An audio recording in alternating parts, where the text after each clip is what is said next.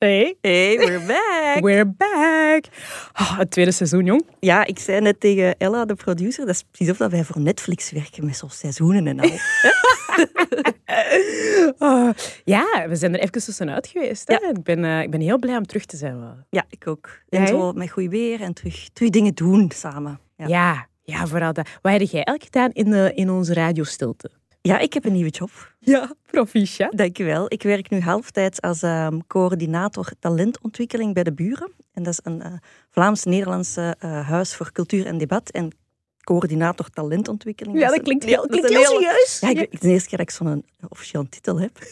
maar dat is eigenlijk gewoon eh, een, een, een lang woord eh, om te zeggen eh, dat ik eh, jonge sprekers en schrijvers eh, ga coachen die willen leren om publiek te spreken. Ik ga die masterclass aanbieden, mediatraining. tof. Ehm, ja, eh, zo podiumpresence enzovoort. Dus dat is mijn, eh, dat is mijn taak. Dat is leuk. Ah, dat is keigoed.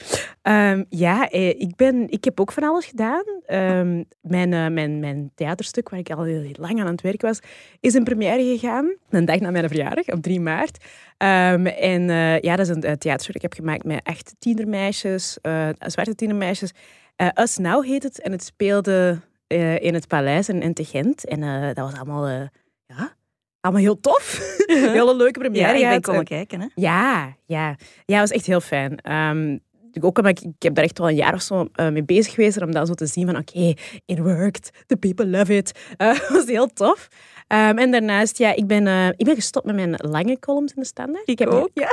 Maar jij bent echt gestopt bij alles, hè, bij de standaard? Dat Ja. klopt, ja. ja. Ik ben in ja, december gestopt, ook een beetje voor die nieuwe job. Omdat ik Ja. het is nu tijd dat andere mensen in de picture staan en ik wil niet meer zo elke twee weken met een mening in de krant staan. Ik heb dat lang gedaan en nu is het tijd aan de volgende Ja. generatie om dat te doen. Ja. Ah, wel, en ik heb gezegd, ik heb bijna hetzelfde gezegd, van ik, ben, ik wil ook geen meningen meer verkondigen, maar mijn cursiefjes, dat moeten we niet afpakken. dat, dat blijf ik heel graag doen, die korte stukjes die ik op Ja, de dag die in de zijn ook heel leuk om te in de standaard Ja. schrijven. Dus dat blijf ik doen. En eh, ja, we zijn gewoon dus nu terug bezig Ja. met de podcast. Hè. Dat is Ja. misschien al eh, het belangrijkste, toch zeker nu.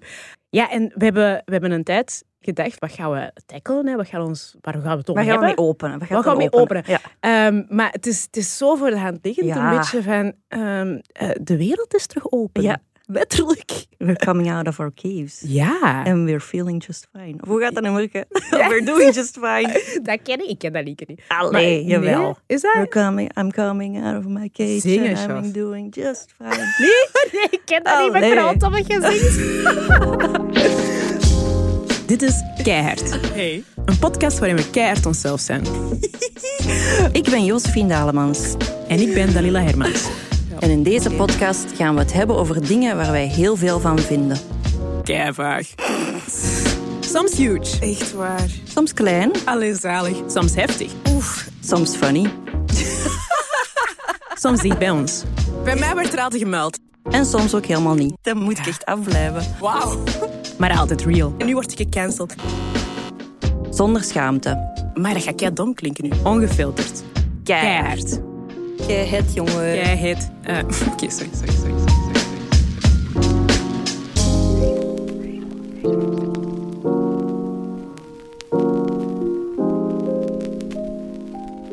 Het is zo, de wereld is terug open. Ik heb, ehm, eh, toen, dat we zo, nee, toen de mondmaskers werden eh, afgeschaft, heb ik voor de eerste keer, het is echt waar, het gezicht van mad- madame van de nachtwinkel gezien. Oh, en die dat van mij. Maar ik kom er dus kei veel, gênant veel. En ik kom daar binnen en die bij allebei, you're so pretty.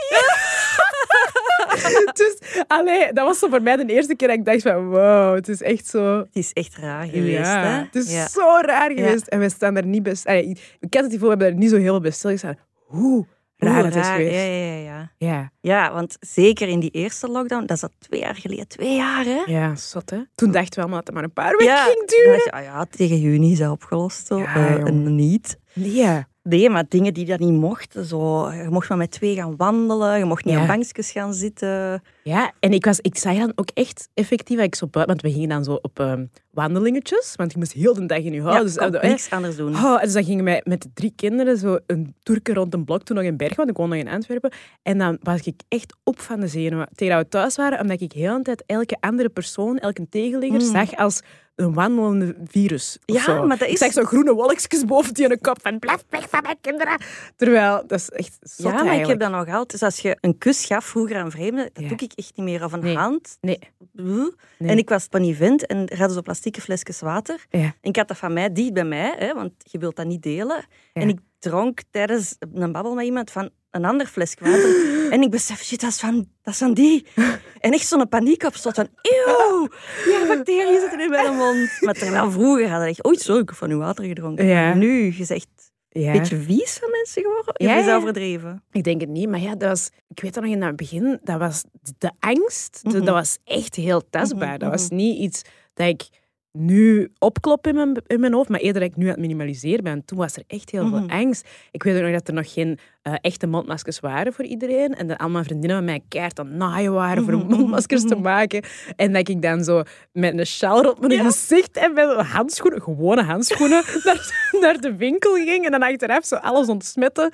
Echt, ja. In de kookwas steken. Ja, jong, zotte, zotte Zot, toestanden. Zot. Ja. Maar gelukkig is het hopelijk, hopelijk achter de rug. Ja. Maar zo ook op, ehm, ja, zo op psychologisch gebied is er ook wel wat veranderd. Hè? ja, absoluut. En ik denk dat we daar zo stilletjes over moeten beginnen nadenken van wat voor impact, Ja. hè, buiten wat je omschrijft, zo die echte gewoon de, de angst voor bacteriën. Er zijn ook andere dingen gebeurd. Hè. Wij zijn keihard allemaal, like dat je zegt, in onze cave gegaan. Ja. En die cave zo gezellig en comfortabel en veilig mogelijk gemaakt. En alles wat vreemd was, hebben wij buiten gesloten. Ja, ja en dat, gaat, dat, dat is bijna voor iedereen zo, voel ik. Dat is niet zoiets dat, dat enkel een paar enkelingen die zich hadden zo verschanst van nou, de wereld is... Maar we hebben allemaal in a way dat wel Mhm. wat gedaan. Ehm, en ik, ik heb dat bij van mezelf heel erg gemerkt ook, van dat ik dat ergens ook vreemd genoeg ook wel tof vond. Ja, dat was veilig. Hè? Ja, ik En je heb kon je grenzen goed afbakenen. Ah ja, hè? tuurlijk. Als je het niet wou doen, ja, maar ik corona. en, en, en als, je, als je dingen niet binnen wilde krijgen, ja, hoefde ook niet. Hè? Want de enige informatie dat je het grootste deel van die, van die jaren binnenkreeg, die kwam via het kanaal dat jij kiest. Mhm. Hè, dat was niet eh, mensen die tegen je beginnen te babbelen spontaan, want je komt geen mensen tegen. Ah, Allee, ja, je kwam niemand meer tegen nee. die dat je daarvoor wel vaak tegenkwam. ja, niemand die dat je niet wou zien. Exact. Ja. Ja, en ik heb daar ja, veel over nagedacht. En ik dacht, hè, wij dachten, van, dat is gewoon een goeie om eens, om eens dieper in te Ja. duiken. Heeft- deze aflevering. Heeft corona ons vervreemd van elkaar? Ja, En heeft dat ons meer gepolariseerd? dat, is, dat lijkt me de hamvraag. Want hoewel dat allemaal heel fijn was en zo, die bubbels, en Mhm. hoewel dat ik soms heel erg twijfel, wil ik eigenlijk nog wel aan die bubbel, want dat is hier nou wel tof of zo, denk ik wel, ja, het is ook een beetje gevaarlijk, hè, als je te veel in die van jezelf blijft zitten. Ja. En als je geen, geen invloeden meer van, van Van buitenaf krijgt. krijgt. Dat klopt.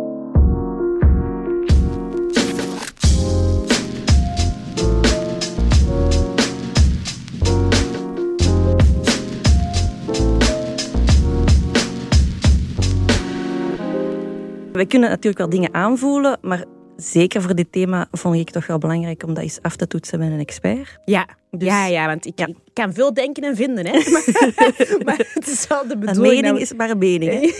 Maar ik heb gebeld met eh, Nathalie van Raandonk, die jij ook ongetwijfeld heel goed kent en apprecieert. Ja. Want dat was dus een van de eerste softspots in seizoen 1. we- Ja, inderdaad. Ja. Nathalie. Nathalie, en eh, zij is doctoraatonderzoeker eh, rond online radicalisatie aan de VUB, IMEX Smit en het Hannah Arendt Instituut. En de oprichter van het meme-account Anti-Conspiracy Meme Wars. Dus zij heeft twee jaar keihard gewerkt ja, die alle... heeft echt overuren moeten draaien. Amai. En die dacht zo van, ah ja, nu is corona voorbij. Hoe, hoe kan ik even zo wat rusten? Bad, Oekraïne. Moest die daar al dat fake news weer eh, Ja. voor gaan liggen factchecken. Dus eh, veel respect voor haar. Maar ik heb dus eh, ons, ja, onze gevoelens en ideeën is, is aan haar voorgelegd en gevraagd of dat wat dat wij voelen en denken of dat, dat ehm, ja, meer mensen dat hebben en van waar dat vandaan komt. Ja, ik, heb, ehm, ja, ik weet dat zij, dat, dat zij een aantal van uw vragen heeft beantwoord en dat we zo meteen naar het antwoord gaan luisteren, maar ik heb zelf nog niet naar de antwoorden geluisterd. Hè, dus ik weet ook niet wat Nathalie gaat zeggen en ik ben eigenlijk wel heel benieuwd. Ze gaat heel veel slimme dingen zeggen. dus meestal. Dus Ja. meestal. Dus ik heb haar eerst gevraagd van, eh, heeft corona de polarisatie tussen mensen vergroot? Oké.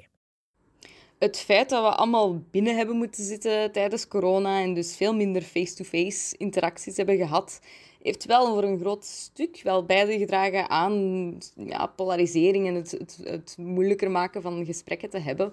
En dat is ook logisch als je nadenkt bij hoeveel ehm, non-verbale communicatie verloren gaat wanneer dat je online met elkaar uh, discussieert dat maakt dat je posities ook wel harder gaat innemen en stellingen gaat, gaat innemen. Ehm, en iets minder gewoon even van, van onderwerp kunt veranderen en, en gewoon voort een koffie kunt drinken. Dus het online gegeven heeft daar wel een grote rol in gespeeld. Maar tegelijkertijd, ik denk de grootste rol uh, is, is de crisis zelf. De crisis zorgt nu eenmaal voor mensen die slecht met onzekerheid kunnen omgaan, die naar alternatieve uh, waarheden en werkelijkheden gaan zoeken. Um, dus we mogen dat niet alleen op online steken. Het is ook wel gewoon echt eigen aan een pandemie. Hmm. Ja, ja, klopt wel, hè? Ja, eigenlijk wel. En een beetje stom dat ik daar niet zelf bij was gekomen.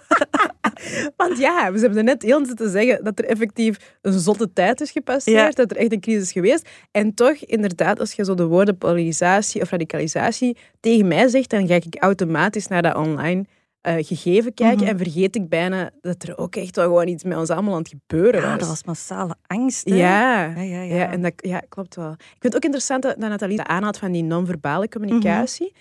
Want dat is iets wat ik wel um, in mijn eigen uh, interacties met mensen heel hard heb gemerkt.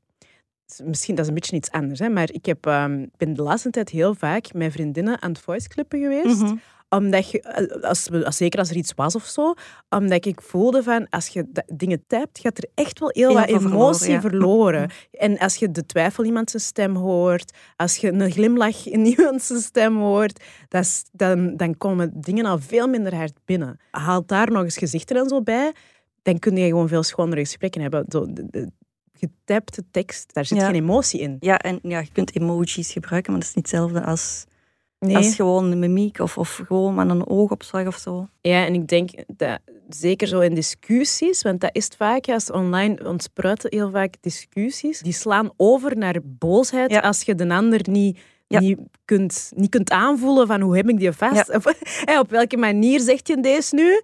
Soms denk je dat ook dat ik, dat ik sommige comments bijvoorbeeld als zo haatcomments zie. Niet echt haatcomments, maar ik denk van, amai, dat is wel heel harde kritiek. Terwijl dat, als die persoon dat hardop tegen mij zou zeggen, zou ik dat waarschijnlijk niet zo aanvoelen. En als je dan van die grootste crisismomenten meemaakt en op die manier vooral iemand met elkaar communiceert, is het ook niet zot dat dat uit de hand loopt. Nee, want dat was ook vaak de enigste manier van communiceren online. Ja, ja.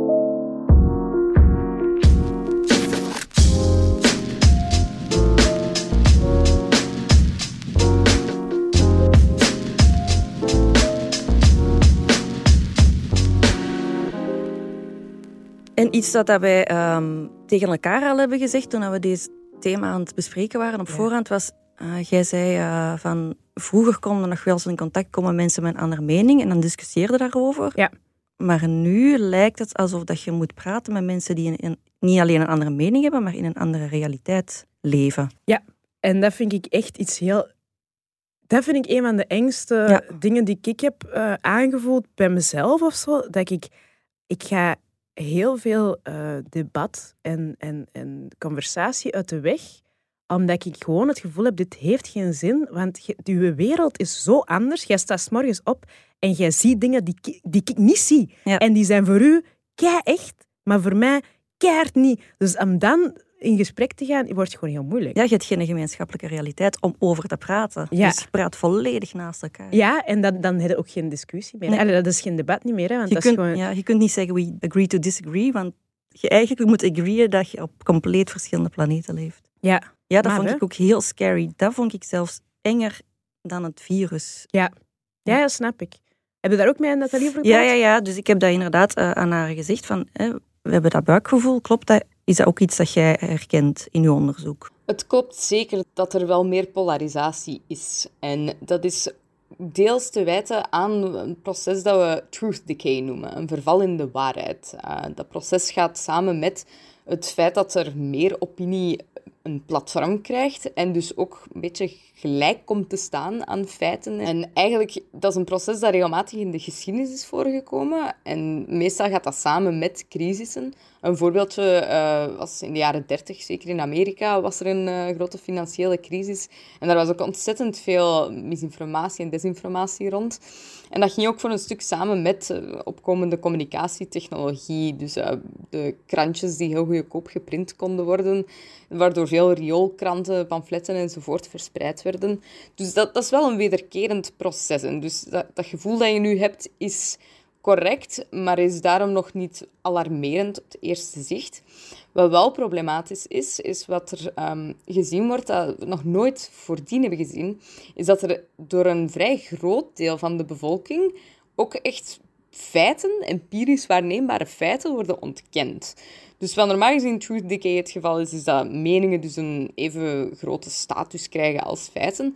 Wat nu gebeurt, is dat ook echt dus waarneembare feiten. Er is een pandemie, er belanden veel mensen in het ziekenhuis door corona, dat die worden ontkend.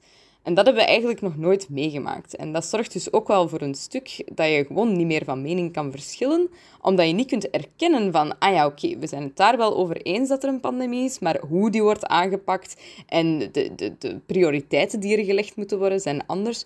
En dat maakt het dus heel moeilijk eh, om, om nog ja, van gedachten te veranderen. Ja, dat klopt. Hè? Ze geeft ons gelijk. nee, maar ja, ik vind dat, ik vind dat interessant. Ook, ook wel, decay, dus het verval van de waarheid. ja. Ook interessant om te weten dat dat doorheen de geschiedenis is gebeurd. Want Mhm. soms heb ik Mhm. wel het gevoel dat, ehm, dat er zoveel eh, bizarre dingen aan het gebeuren zijn vandaag de dag, dat het lijkt alsof dat, dat, dat, dat, dat echt iets uniek Mhm. en, en overweldigend is. En ergens geeft mij dat aan rust of zo, om te weten van nee, dit is eigenlijk een beetje wat er gebeurt in grote crisissen. Ja. Eh, Dus dit kan ook weer terug weg hebben. Ehm, Ja. Maar ja, dat laatste dat ze zegt is dan weer wel alarmerend. Dat is heel erg wat ik bedoel met die verschillende werkelijkheden. Ja. Van, ja, als er, als er dingen die ik met mijn eigen ogen zie, Ja. worden ontkend door iemand waarvan... En, en dat gebeurt in, in, gebeurde in mijn kring door mensen die niet dom zijn. Hè? Die, Mhm, niet, mhm. die ook heel erg overtuigd zijn. Net zoals dat ik overtuigd ben. Als dat je zou zeggen van... Er staat daar een stoel en dat ik dat echt meen. En dat jij zegt, nee, die staat er niet. Mhm. En dat je dat ook echt meent. En dat is zo'n bizar gevoel. Ja, En- dat is een onmachtig... Ja, Ja, en langs de twee kanten. Dus Ja. dat, dat maakt het nog raarder. En ik heb gewoon gemerkt dat mijn reactie op zulke ehm, gesprekken... Want we hebben het nu over de pandemie, maar ik heb dat, ook, dat gevoel ook vaak bij andere dingen. Mhm. hè. Van, er is geen discriminatie. Jawel. Eh, allee, Mhm. zo, dat ik echt zo denk, maar allee, dat zie je nu toch, er zijn toch cijfers? En zo, nee, ik heb andere cijfers. En dat je zo bezig blijft. Mhm. Maar mijn gevoel is dat, dat ik ehm, steeds sneller gewoon zeg, is goed, manneke. Jij ziet je stoel. Yo, ik ga niet anders doen, want deze heeft geen zin. Maar dat ik dan ook wel denk, maar als je tegen te veel mensen yo zegt, dan ja. zitten dan nog wel samen aan het leven. Ja, dat is een heel goede vraag. Eng, hè? Heel eng.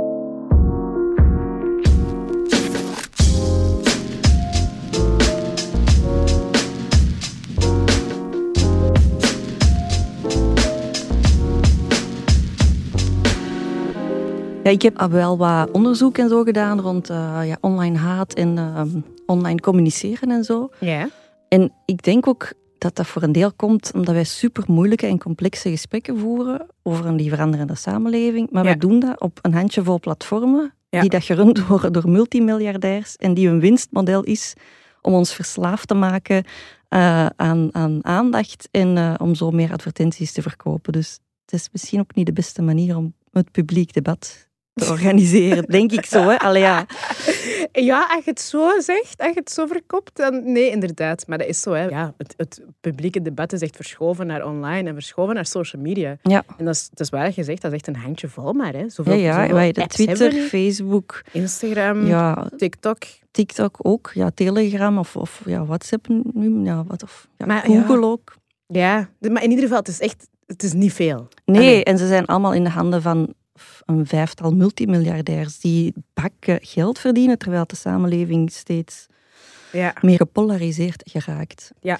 Een heel goed voorbeeldje daarvan is ehm, de verhaal van Elle Hunt. En dat is een jonge journaliste, een Britse geloof ik. Dat zegt echt heel goed hoe dat, hoe dat, dat werkt. Eh, dus op een avond is hij aan, ehm, aan het twitteren met een paar vriendinnen. Die heeft vrij weinig volgers, maar die is wat wijn aan het drinken. En die doet zo'n bold statement en die zegt... eh, Alien kan eigenlijk geen horrorfilm zijn, want horrorfilms kunnen zich niet afspelen in de ruimte, in space. Want dan is dat een science fiction verhaal. Oké. Hoe? Oh, controversiële mening. Ja, gewoon echt een brain fart. Hè? Ja. Meer is dat niet. Dat is gewoon Nee. een breinscheet. Ja. En zij zet dat op Twitter en zij gaat slapen. Eh, en de volgende ochtend staat zij op en die wordt overspoeld door meldingen en mails en doodsbedreigingen. Dus wat is- Doodsbedreigingen? Ja, ja, ja, zelfs. Er zijn online artikels over gekomen en die had echt van, what the fuck happened? Dus die, die haar een tweet was ja, uit de context gerukt, eh geretweet geweest. Die was in trending topics op Twitter geraakt en dan komt dat van boven Ja. en dan komt dat in iedereen zijn feed en Ja. iedereen was daarop gesprongen. Ja, en die is zo online ja, gewoon helemaal kapot gemaakt door een keistoeme tweet over oh ja, voor films. Dat is echt bizar, hè? Maar wat zij daarover zegt, vind ik wel hout. Zij. Dus zij zei van ja, hè, want mensen zeggen vaak cancel culture, dit, cancel culture, dat. En zegt nee, dat is geen cancel culture wat er met mij is gebeurd. Dat is een probleem van eh, platform failure. Dus Twitter heeft als platform gefaald Ja. om op een fatsoenlijke manier te communiceren. En er is ook een feit van eh context collapse. Dus de context is volledig weggevallen. Ja. En mijn boodschap of mijn tweet is in een vijandige omgeving geplaatst of terechtgekomen en heeft daar heel veel controverse opgewekt, terwijl dat bij mij gewoon een mopje was. Ja, ja, ja. En dat is wat er vaak gebeurt met van die, van die, ja, van die fitties, van die ophef, ophefjes of zo. Ja. En de klassieke media neemt dat dan nog eens over. Ja, maar dat vind ik, dat vind ik ook zo erg. Allee, erg. Dat is gewoon zoiets wat mij eh, ja, wat een beetje bang maakt. Dat je, zo, je ziet hoe dat, dat werkt inderdaad in op die platformen. En je ziet hoe dat, eh, vaak negativiteit heel erg, dat dat heel erg wordt opgepookt bijna. Ehm, maar dat, dan zou eigenlijk de klassieke media daarop zo wat uw watchdog moeten zijn. Ja. Of zo de waakhond van, oké, maar wat is, er, wat is er nu echt nieuwswaardig? En dat, ik heb, toen ik journalistiek studeerde, die, die, even dat ik nog moeite deed, heb ik echt gehoord dat, dat ze dat als een van de eerste vuistregels zeiden. Van, het belangrijkste is, heeft iets nieuwswaarde. Terwijl dat nu, dat soort helemaal opgepookte, uit de context gerukte verhaaltjes, ook als nieuws worden gedeeld en Ja. als nieuwswaardig, waardoor die nog groter worden. Ja. En, ja. Ja, zo twee of drie mensen zeggen iets kwaad op Twitter en dan is dat ineens de kop ophef op Twitter. En dan is dat ja, twee of drie accounts en denkt, waar gaat dit over mensen? Ja. Doe nou eens kalm. Doe allemaal kalm. Ja. Maar wat dat jij zegt, die negativiteit die dat, die dat loont. ehm, er is zo'n quote: If it's outrageous, it's contagious. Hè? Dus als iets verontwaardiging opwekt, dan is het besmettelijk. En dat Ja. klopt ook. Hè? Ja, ja, ja dat is waar.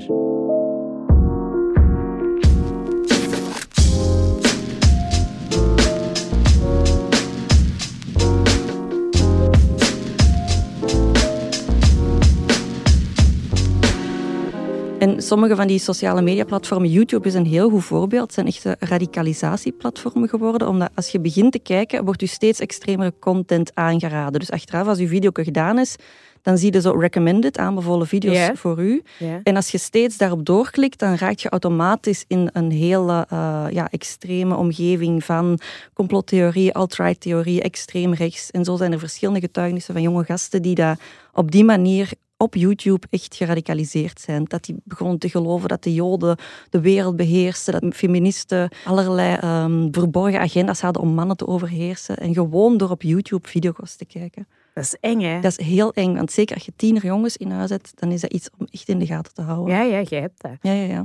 Ja, want ik zie dat nu al, zelfs met mijn kinderen, die zijn nog veel jonger natuurlijk, maar die zitten ook wel veel op YouTube. En ik moet echt goed in de gaten houden, want je kunt daar voor een stuk safeties opzetten. Je hebt zo die, Mhm. die optie wel, maar ook niet, dat is ook niet waterdicht. Nee. Dus het is echt, ik denk inderdaad, je moet dat heel hard in de gaten houden.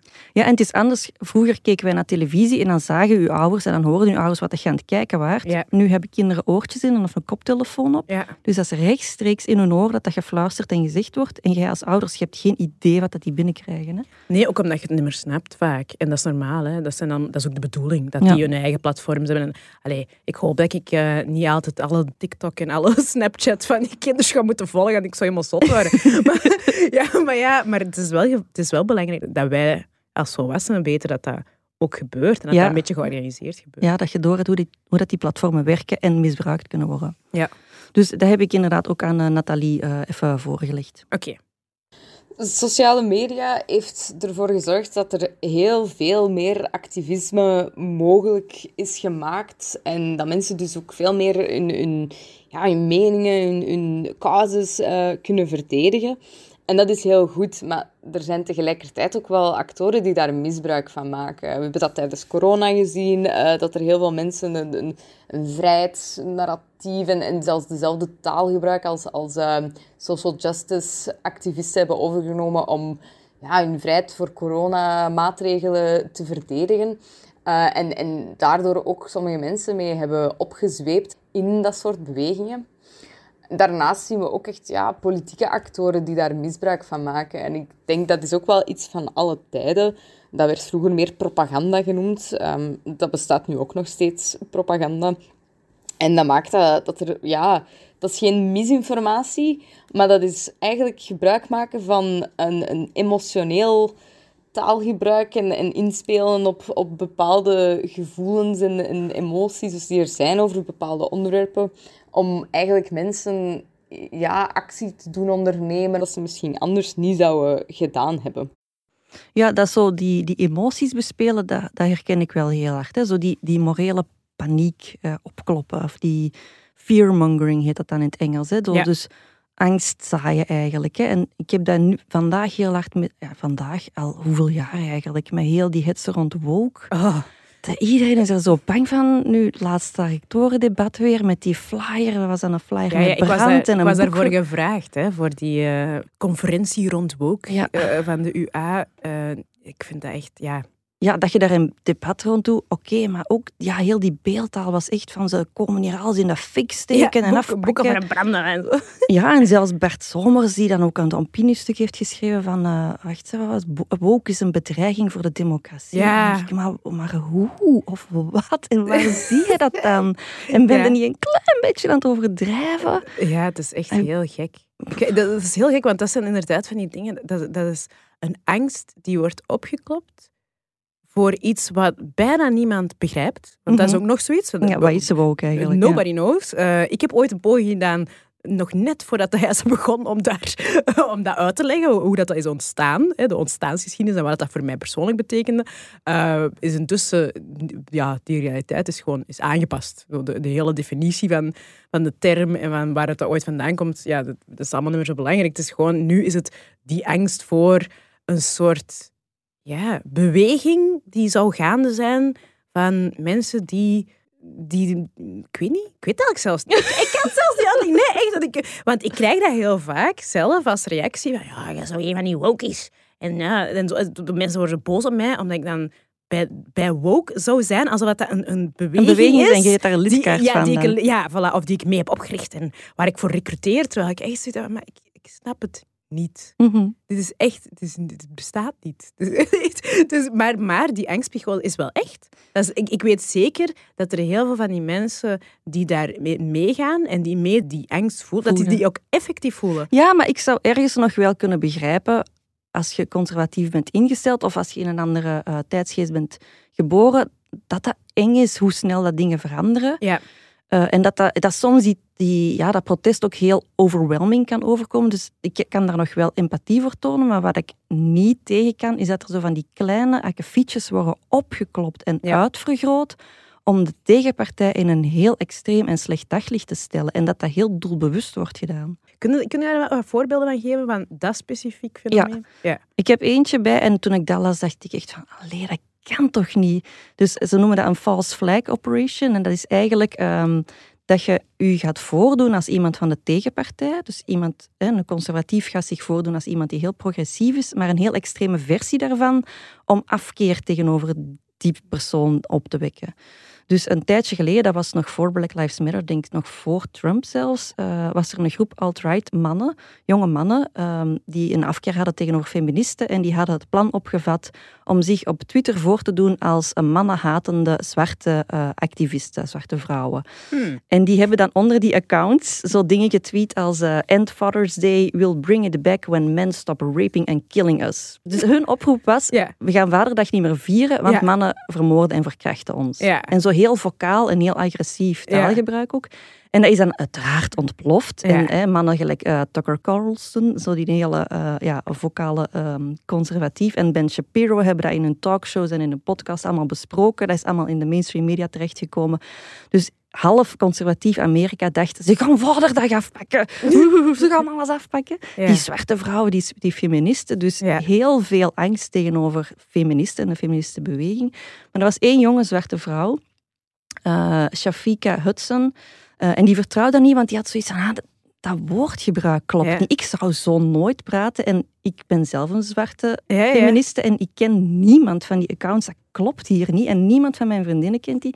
Dus die is echt kei diep gaan diggen. En die heeft dan op, eh, ik geloof 4chan, dat is zo'n online community waar dat nogal veel alt-right mannen zitten, ontdekt dat dat dus een, een, ja, een plan was van alt-right mannen om zwarte feministen eh, in een slecht daglicht te stellen. Maar ondertussen Ja. was dat ballonnetje wel opgelaten en Ja, ja. geloofde iedereen dat. Ja, ja, maar ik heb zoiets soortgelijk zelf meegemaakt. Ik heb eh, ooit een interview gedaan, eh, een groepsinterview, met een paar ja, prominente vrouwen Mhm. voor Humo. Mhm. Ehm, en daar had een andere vrouw, niet ik, maar een andere vrouw, eh, een uitspraak gedaan. Ik weet zelfs niet meer wat dat de precieze context was waarin dat, dat gezegd werd, maar eh, die is daarna door een aantal eh, ja, hele eh extreemrechtse websites die wij hier ook wel hebben, Mhm. is, zijn er zo woorden in mijn mond gelegd, met een foto van mij erbij. Alsof dat echt, je zou echt denken, met zelfs de verwijzing naar Humo en zo. Dus je Mhm. zou, als je het zou lezen, zou je het nog geloven. Ehm, en daar, daar stond daarin dat ik zoiets zou gezegd hebben als de, witte, de witte Vlaming heeft, heeft alvast verloren of zo. Maar dat werd dus kei serieus, zo'n heel angstartikel van ah, dat is wat haar einddoel is en bla bla. Dus ik kreeg keiveel haatberichten van mensen, ah, de witte Vlaming zal nooit verliezen. ik was zo, wow, wow, wow, wow. En dat was echt super raar, want ik wist niet van waar het dat kwam, want ik zit niet op die fringe websites. Dus Ja. ik krijg gewoon allemaal haatberichten en ik denk, wat is hier aan de hand? En dat is niet helemaal hetzelfde, want ze hebben Mhm. niet iets Volledig echt, fake, ja. Niet volledig fake gemaakt, maar dat was wel heel zot om te zien hoe dat het dan blijkbaar niet extreem genoeg was dat, dat een van die andere vrouwen... Het moest dan, ik, de zwarte vrouw, Mhm. moest dan zo die uitspraak hebben gedaan, zodat het grote gevaar van mensen zoals Ja. ik heel duidelijk... Dat is, ja, Ja, dat zot, is hè. crazy. Ja, ja, ja. Misschien moeten we even over iets, iets babbelen. Ja,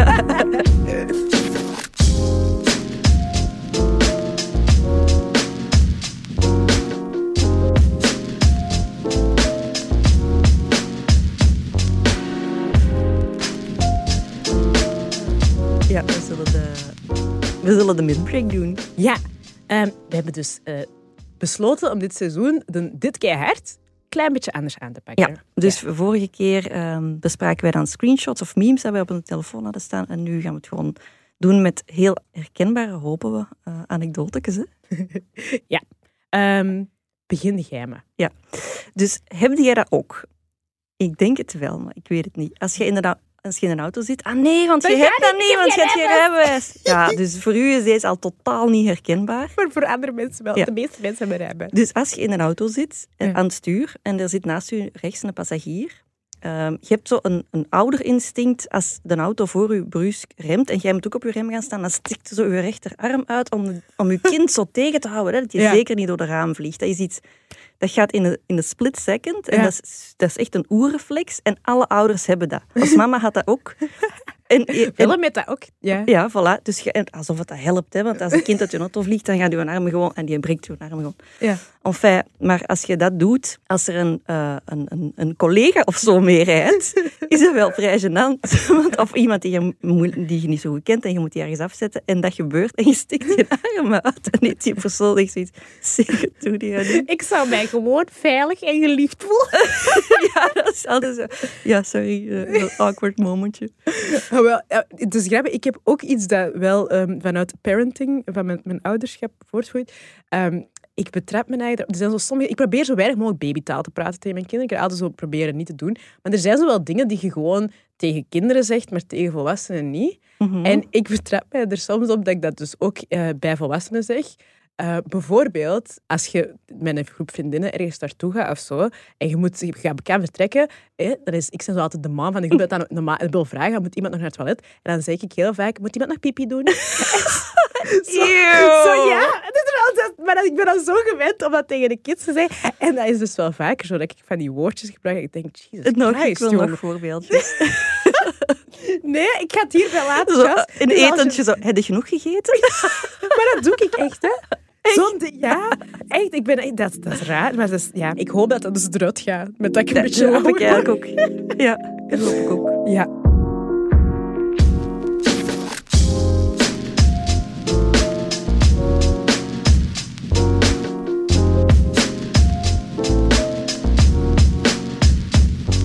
Iets recenter is wat er eh, onlangs is gebeurd aan de Poolse grens met eh, Afrikaanse mensen die in Oekraïne wonen, die wilden vluchten. Je hebt dat waarschijnlijk ook gevolgd. Ja, ja, die Africans in Ukraine, ik heb dat heel, van heel dichtbij gevolgd. Want ik was, ehm, toen dat de oorlog in Oekraïne startte, zat ik net zo in de laatste fase voordat mijn première ehm eraan kwam. Dus ik was een beetje afgesloten van actualiteit. Dus ik was niet echt mee met alles. Ehm, dus ik kreeg ook maar alleen maar de dingen die echt heel veel gedeeld werden of zo in mijn, in mijn eh, social media, kreeg ik effectief eh, binnen. Want ik keek niet naar het nieuws in zo'n periode. En die Africans in Ukraine kreeg ik heel de tijd binnen, want er waren filmpjes te zien van eh, Afrikaanse studenten, jonge mensen, die, aan, die wilden vluchten, zoals iedereen in Oekraïne op dat moment. Zo, dat was de meeste mensen. Eh, en die, die werden tegengehouden aan de grens en waar daar echt racistische dingen tegen werden gezegd. Eh, en er was ook een filmpje van een man, een Congolese man, die, die zei van ja, ze zeiden dat ik een geweer moest pakken, dat ik mee moest vechten. En ik moet wel eerlijk toegeven dat mijn eerste gevoel was what the fuck? En dat dat echt heel veel invloed had op hoe dat ik ook keek naar dat conflict, dat gaat naar mijn kern en naar mijn buik. Dat je, dat als er zoveel mensen aan het zijn van ja, allemaal goed en wel daar in Oekraïne, maar racism never takes a day off. Ik weet dat dat ook echt waar is, dus ik ben daar ook mega. Ik ben heel benieuwd wat Nathalie daarover te zeggen heeft. Ja, ik heb dat inderdaad ook eens eh, aan eh, Nathalie ehm, voorgelegd. Effectief dit, dit eh, voorval dat je nu zegt. Daarnaast worden er ook echt wel ehm, legitieme issues gebruikt en misbruikt om ja, conflict op te poken. Ehm, puur voor het doel van conflict op te poken.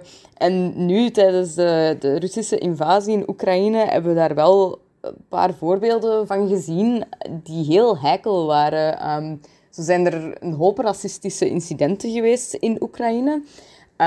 die waar gebeurd zijn, maar die zeker in het begin heel erg geamplificeerd zijn door ja, inauthentieke accounts, mogelijk van Russische origine.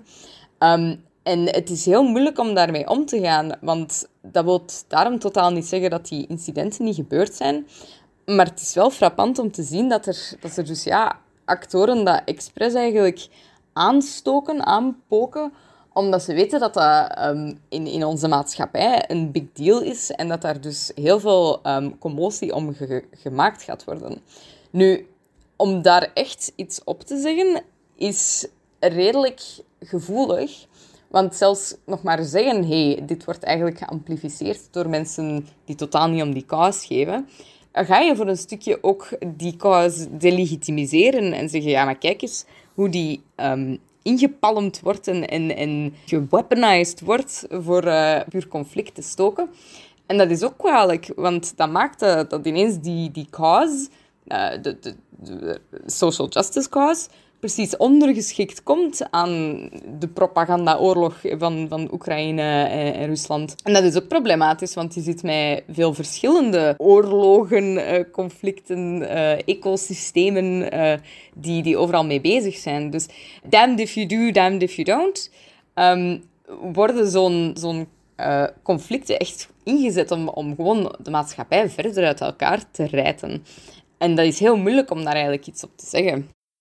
Ja. Ja, dat is echt. En ook een, een goed voorbeeld van dat, die maatschappij uit elkaar rijden. Ook een onderzoek dat ik heb gelezen, ook van enkele jaren geleden al. ehm had de hashtag Black Lives Matter nog voor George Floyd en de hashtag Blue Lives Matter. Dat was eh, van de politie, Ja, ja. mannen dan, hè, omdat die een blauw uniform dragen. ja, ja.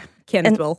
Ja, voilà. En die, eh, die groepen die waren heel actief op social media en vooral op Twitter. En eh, onderzoekers van de Universiteit van Washington hebben dan die eh, accounts die het meest actief die hashtags gebruikten onderzocht. Hè, van wie zijn dat nu, wat voor mensen zijn dat, waarom die dat. En die zijn er eigenlijk achter gekomen dat de meest actieve accounts die die hashtag gebruikten uit Russische trollenfabrieken kwamen. Dus je moet je voorstellen dat er twee Russen of meerdere Russen naast elkaar zitten en de ene zit Black Lives Matter te posten en de andere Blue Lives Matter en elkaar ook te retweeten en ook gewoon om die ophef te creëren en om die samenleving echt uit elkaar te, ja, te rijten, hè, te, te, te verscheuren. Maar ik vind dat een supergevoelige... Ik snap het, hè. En ik geloof dat ook, hè. Ik ken Nathalie ook en, en jou. En ik weet, dat dat, ik weet dat dit research en waar is. Maar iets in mij, als het dan over dit ding, dat soort dingen gaat, wil ik bijna niet dat we dat zeggen. Omdat ik zoiets Ja. van, maar die breuklijn was er, hè. Ja, ja, ja. Er werden mensen... Snap je wat ik Exact. bedoel? En dat is het moeilijke. Dat vind ik echt het lastige. Ook zo, wat dan Nathalie zegt over die eh, Africans in Ukraine, is hetzelfde. Dat ik geloof absoluut dat die incidenten zijn gebruikt om, ehm, om verdeeldheid te zaaien. En dat heeft absoluut gewerkt. Dat geloof ik allemaal.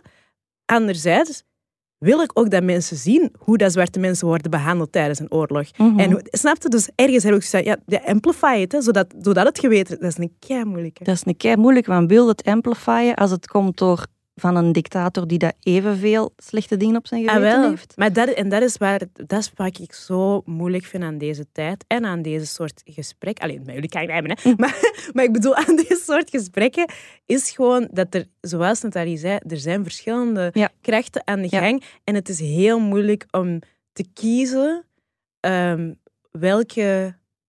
Allee, snap je wat ik bedoel? Het is heel Mhm. moeilijk om nog te weten op wie dat je kunt vertrouwen. En ik heb ook het gevoel, maar dat is even een, een misschien ook, het is ook een beetje een breinscheet, maar eh, eentje dat ik nu heb, van, ik heb ook het gevoel dat de grootste slachtoffers van dit spel, van het Mhm. constant opzetten Mhm. eh, van mensen tegen elkaar, zijn gemarginaliseerde mensen. Zijn de mensen die eigenlijk al onrecht wordt aangedaan, die op zoek zijn naar manieren om dat onrecht aan te kaarten. Eh, die zijn de pionnetjes in dit spel. Ja.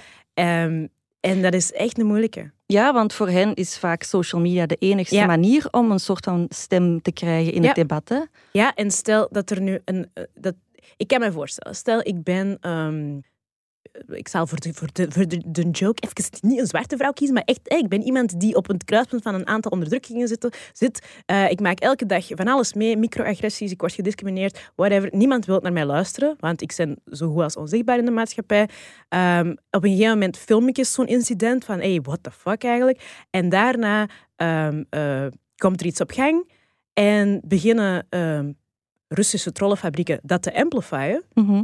I don't know if I would mind that much. Snap je? Eh, maar dat is, dat, ja, dat is zot. Dat is- ik weet dat dat een heel bold statement is, maar ik kan me voorstellen dat je op zo'n moment gewoon blij bent dat de issue aandacht krijgt en dat je die kritische bemerking, dat die minder top of mind zit bij iemand die zich voelt alsof hij nooit een stem heeft. Snap je wat ik bedoel? Ik snap wat je bedoelt, maar dat is wel echt gevaarlijk. Hè, want keigevaarlijk. narratief wordt echt gebruikt door iemand anders om een eigen agenda door te drukken. Hè?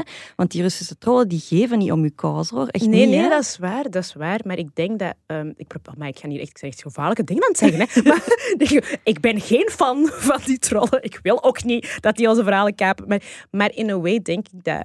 Misschien is het ook omdat ik ehm, zo hard in de business ben geweest van het ehm, proberen eh, Mhm. licht werpen op bepaalde mensen. Ehm, en ook heb gemerkt dat ook bijvoorbeeld, pak de mainstream media, doet dat ook. Die gebruiken ook die verhalen en die doen Mhm. daar ook maar wat mee. En dat is ook voor iemand anders een agenda. Dat je zo, snapt het? Het is Mhm. gewoon heel moeilijk om nog helder het onderscheid te maken tussen good guys, bad guys, Ja. ehm, dat allemaal, omdat het heel bewust wordt verborgen en wordt distort en wordt... Ja. Ehm, maar daarom dat ik dat even wilde zeggen, van het is heel anders om in dat soort gesprekken te staan of om naar dat soort feiten te kijken, van hoe Mhm. dat je gemanipuleerd wordt, als eh, uw verhaal proberen verspreid te krijgen op het internet uw enige Ja, machts, is.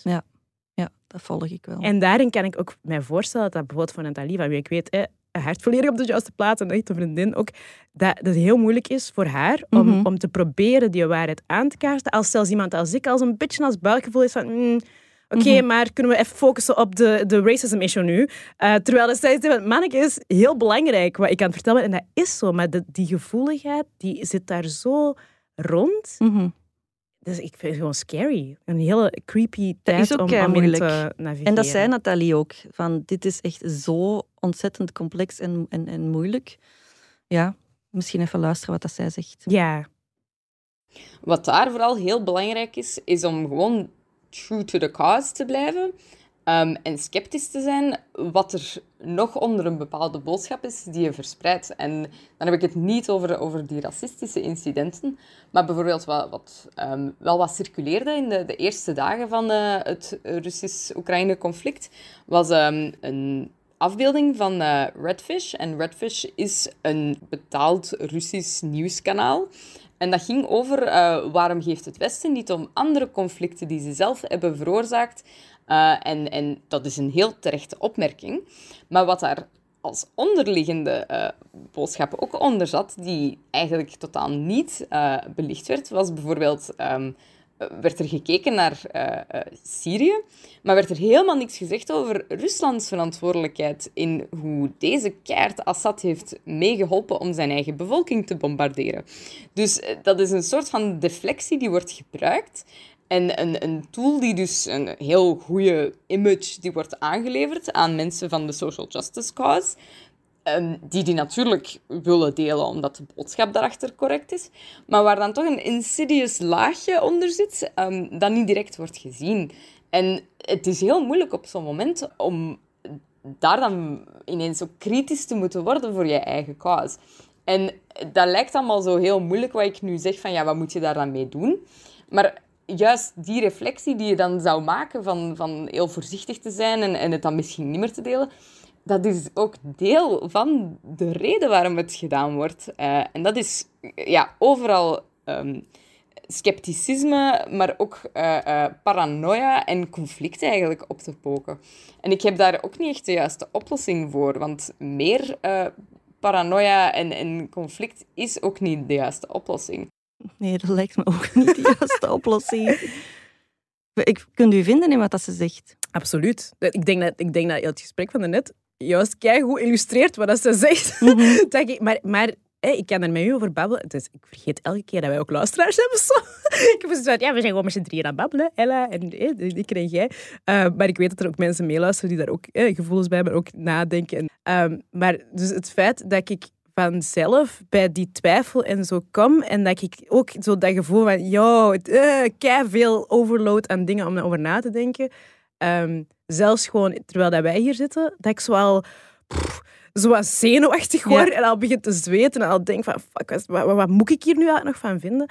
Dat zegt veel over hoe hard dat, dat lukt. Ja, om, ja. Uh, dat, dat heel dat spel, dus, dat lukt keihard. Stel dat wij elkaar niet goed genoeg zouden kennen en jij hoort met sommige uitspraken en, en, of ik u en we hebben allebei zitten, oh my, een super heftig gesprek, man. en dus we zijn al zo met elkaar of zo aan het drijven, omdat we elkaar al niet meer goed begrijpen. En, en dan denk je, dat is wel heel maf dat dat, ja. zo goed lukt.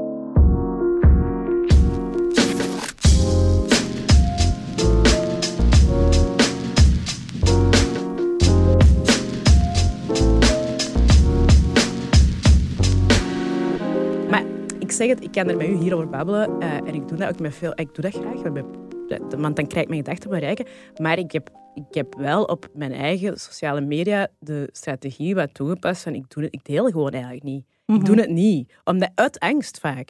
Om, dus al die dingen waar we het over hadden, waarvan ik dan... Dat ik achteraf blij ben dat ik het niet mee heb gedeeld. Want blijkt dan... Hè, maar, maar ergens is dat ook een vorm van zelfcensuur of zo? Of, of creëerde ook het gevoel that you don't care? Mhm. Dat vind ik ook een hele moeilijke. En mensen pakken nu daar ook op van, ah, ik heb, ik heb daarover deelde wel niks. Hè, zo. Ja, Hè, dat- maar, ja. maar dat ik echt ook denk van, ja, maar eh, iets fout delen is dan weer erger. Of, Ja. of ik wil ook niet een narratief voeden waarvan ik niet 100% zeker ben. En dus het, het, het, ga, het heeft toch veel invloed. Hè? Ja, en het besef dat je gemanipuleerd wordt is, is vrij Dat is vies, chockerend. Want je denkt altijd, ja, die andere mensen die worden... en dat overkomt mij niet, ik ben slim genoeg. Ja, niet hè. Nee, nee, want... Niet, hè? Nee, tuurlijk. Ik denk... We hebben allemaal at some point waarschijnlijk, eh, zeker de- degenen onder ons die, die heel druk zijn op social media, wel eens een keer iets gevolgd of geliked of gedeeld, dat gewoon... eh, Gestuurd werd vanuit krachten Ja. dat je niet van op de hoogte waart. Nee, en dan zal die boodschap wel, zoals dat Nathalie ook zegt, want dat vind ik dan, dat is nog het allermoeilijkste, dat dat vaak een boodschap is waar dat je wel achter staat Mhm. en dat je gewoon die, die, die hele subtiele manier waarop dat je gemanipuleerd wordt, bijna niet meer kunt zien. Mhm. Want pff, je moet er maar aan denken, allemaal, of zo. Maar het feit dat we dat nu zo allemaal aan het ontrafelen zijn en dat er mensen gelijk Nathalie zijn die daar ook onderzoek naar doen en die Ja. dat onderzoek uitleggen, vind ik op een of andere manier wel geruststellend. En nog geruststellend niet, hè, want het is allemaal super, super eng en, en, en, en zo. Ehm, Ja, Maar ja, dat toch wel deugt om, om te weten, om te snappen hoe dat die dingen in elkaar zitten. En om inderdaad misschien één of twee of drie dagen te wachten vooraleer je iets Ja. deelt. En ook niet gewoon op elke hashtag te springen die, Nee. dat er, die, die er rondgepompt wordt, maar gewoon iets meer op lange termijn te denken of zo. Ja, ja ik, vind, ik ben ook heel blij om te weten dat er ehm, onderzoek is. Of Ja. zo. En, dat, en dat ik dingen kan aftoetsen daardoor. Ja. Ehm, want, en ik denk dat dat ook een beetje een luxe is dat wij hebben. Hè? Dat we nu toevallig zo iemand kennen. Dat we dat ook een beetje mee kunnen verspreiden. Maar, ik- maar ik denk dat dat voor veel mensen heel moeilijk is om te weten bij wie kan ik dat afchecken. Of, dus ik hoop wel dat ehm, als zo'n dingen dan aan het licht komen, daarom heb ik die meme, meme-account van Nathalie ook zo tof vind, dan hoop ik altijd dat dat zo snel mogelijk op een hele grappige of een hele correcte en beknopte manier, maar zo in ieder geval een manier die de meeste mensen kunnen begrijpen, ook wordt verteld. Ja. Want het is daar vaak hè, dat er veel van die, van die onderzoeken en informatie eigenlijk ook, die zijn er dan wel, maar die bereiken de mensen dan weer niet. En Ja, wat ik soms doe, is als ik over iets twijfel, ga ik naar een paar accounts waar dat ik van weet, die kan ik vertrouwen. Of ik deel het in een kleine groep vooraleer dat ik het op een groot Ja. eh, platform verspreid. Dus eerst doe ik het af met u, is dat ook vaak, of Ja. met andere mensen, dat je even gecheckt wordt op, klopt dit, of hoe sta Ja. ik daarin? En pas als je 100% zeker ergens aan bent en dan ga je er een opiniestuk over schrijven of dan gaat het eh, op een groter platform delen. Maar niet meer direct buikgevoel, verontwaardiging. Ja, maar zo gebeurt het vaak. nee, hè? nee, dat is waar. Ja, dat is waar. Ja, ja. hé, ah, we zijn aan het einde toe aan het geraken. We zijn zo chill begonnen. Lachen met, eh, bij, bij ons met de boodschappen en nu zo... eh, het Ja. internet is één grote leugen. Maar het, is ook, het internet is ook niet alleen maar polariserend. Nee, nee, dat is Want waar. Soms brengt het ook heel vaak mensen samen. En, Tuurlijk. en, en kun je inderdaad ook, zoals Nathalie zegt, voor de good cause strijden via, via social media. En brengen de, de acties dat je online doet ook goede dingen ehm, voort. Hè? Dus daar sluit ze eigenlijk mee af. Ah, nice. Ja, hadden we nodig. Ja. Ehm, ik denk het belangrijkste dat er kan gedaan worden, is echt kijken naar hoe kunnen we hier iets ehm meaningful van verandering teweeg brengen, zonder gewoon eh, te gaan roepen, het is allemaal fout en het moet beter.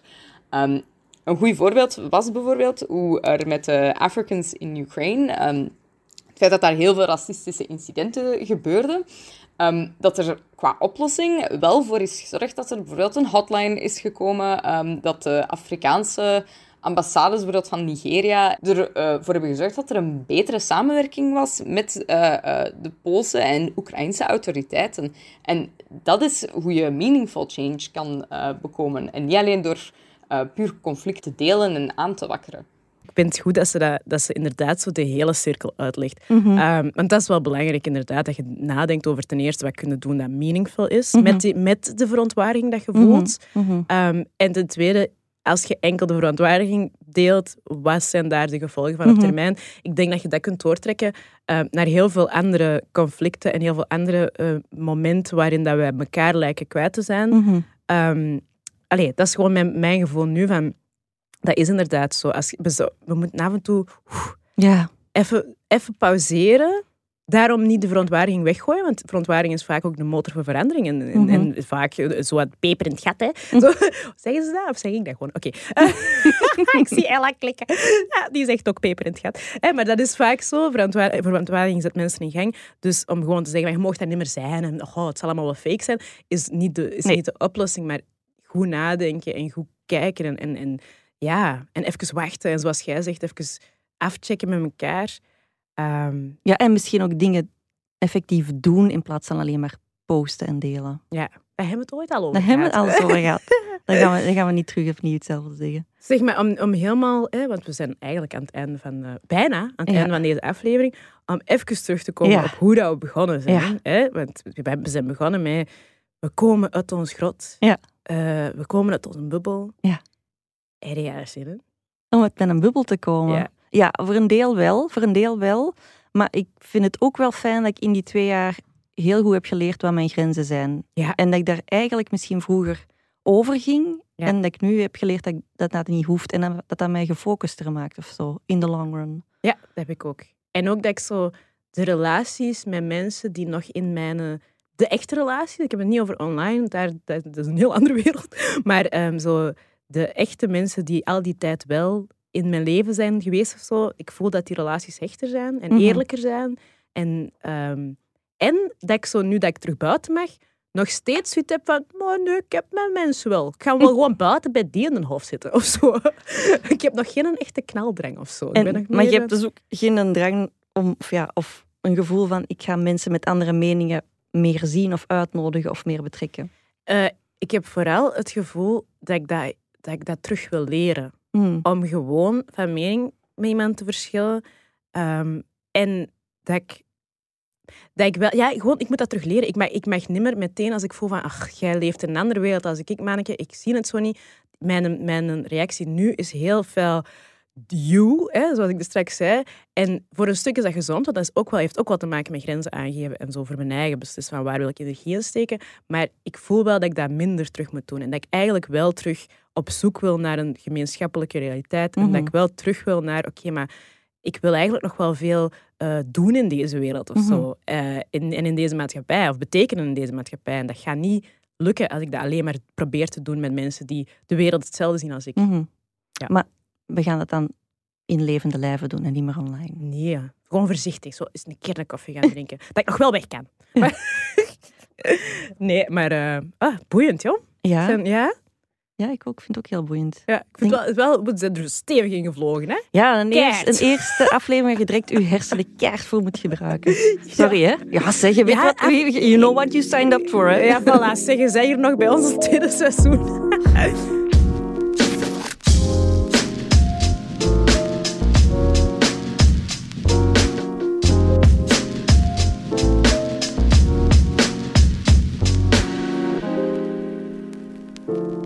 Eh, maar we gaan wel, ehm, zoals, zoals altijd, eindigen met een softspot. Ja. Iemand voor die wij een, een warm hart toedragen. Iemand die een speciaal plekje in ons hart heeft en die we willen dat veel mensen eh, ontdekken. En eh, jij hebt er deze keer iemand meegenomen. Ja, ik heb iemand meegenomen en ik heb die leren kennen via Nathalie.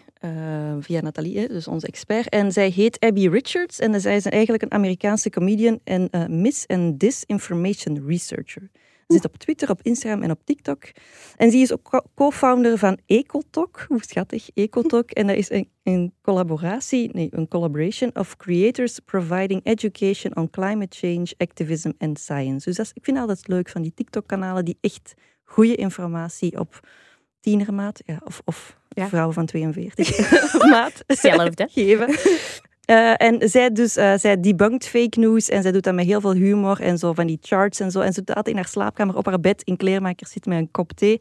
Maar zo heel ehm, eh, toegankelijk, zodat je het echt snapt. Maar ook heel, heel praktisch. Hè? Hoe praat je met mensen? Hoe, hoe doe je zo'n gesprek? Maar echt één voor één de vragen die je stelt en hoe dat je antwoordt. Dus zij is ook een van die go-to persons. eh, als ik iets niet weet, of dat, dan ga ik naar haar profiel en dan kijk wat zegt zij daarover en dan kan ik weer verder. En zij heeft ook eh, ehm, de Conspiracy Chart gemaakt eh, in 2021. En dat is zo'n omgekeerde piramide en daar staan eigenlijk alle complottheorieën in die nu circuleren online. En dat gaat Ja. van, dat zou misschien wel eens waar kunnen zijn, tot ja, completely detached from reality. En er zitten er veel in en dan denk ik, ja shit, er, er zijn er toch wel veel in omloop zo. Ja. En dan kunnen die ook op die, op die chart plaatsen. Oké, cool. Ja. Ja. belangrijk wat dat zij doet. Ja, we zullen alle links trouwens eh, naar Abby en naar alle andere onderzoeken die we hebben vernoemd, eh, ook in de show notes zetten. Dus mensen die zich willen verdiepen in eh, dit thema, die hebben nog een hele eh, lijst van dingen waar ze in kunnen duiken. Tof.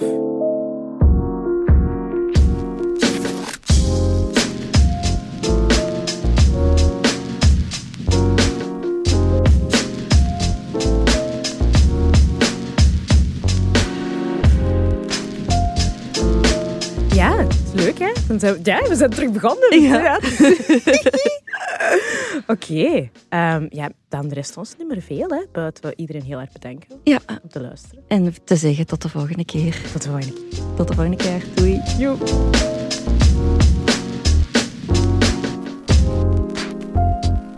Je hoorde natuurlijk alleen onze stemmen, maar achter de schermen werken heel veel mensen mee aan deze podcast. Hè. Dat is waar en eh, die willen we bedanken. Dat is in de eerste plaats podcastagentschap Uitgesproken, waar we mee samenwerken. En eh, ja, de productie en de montage wordt gedaan door ons fantastische Ella van Einde. We love her.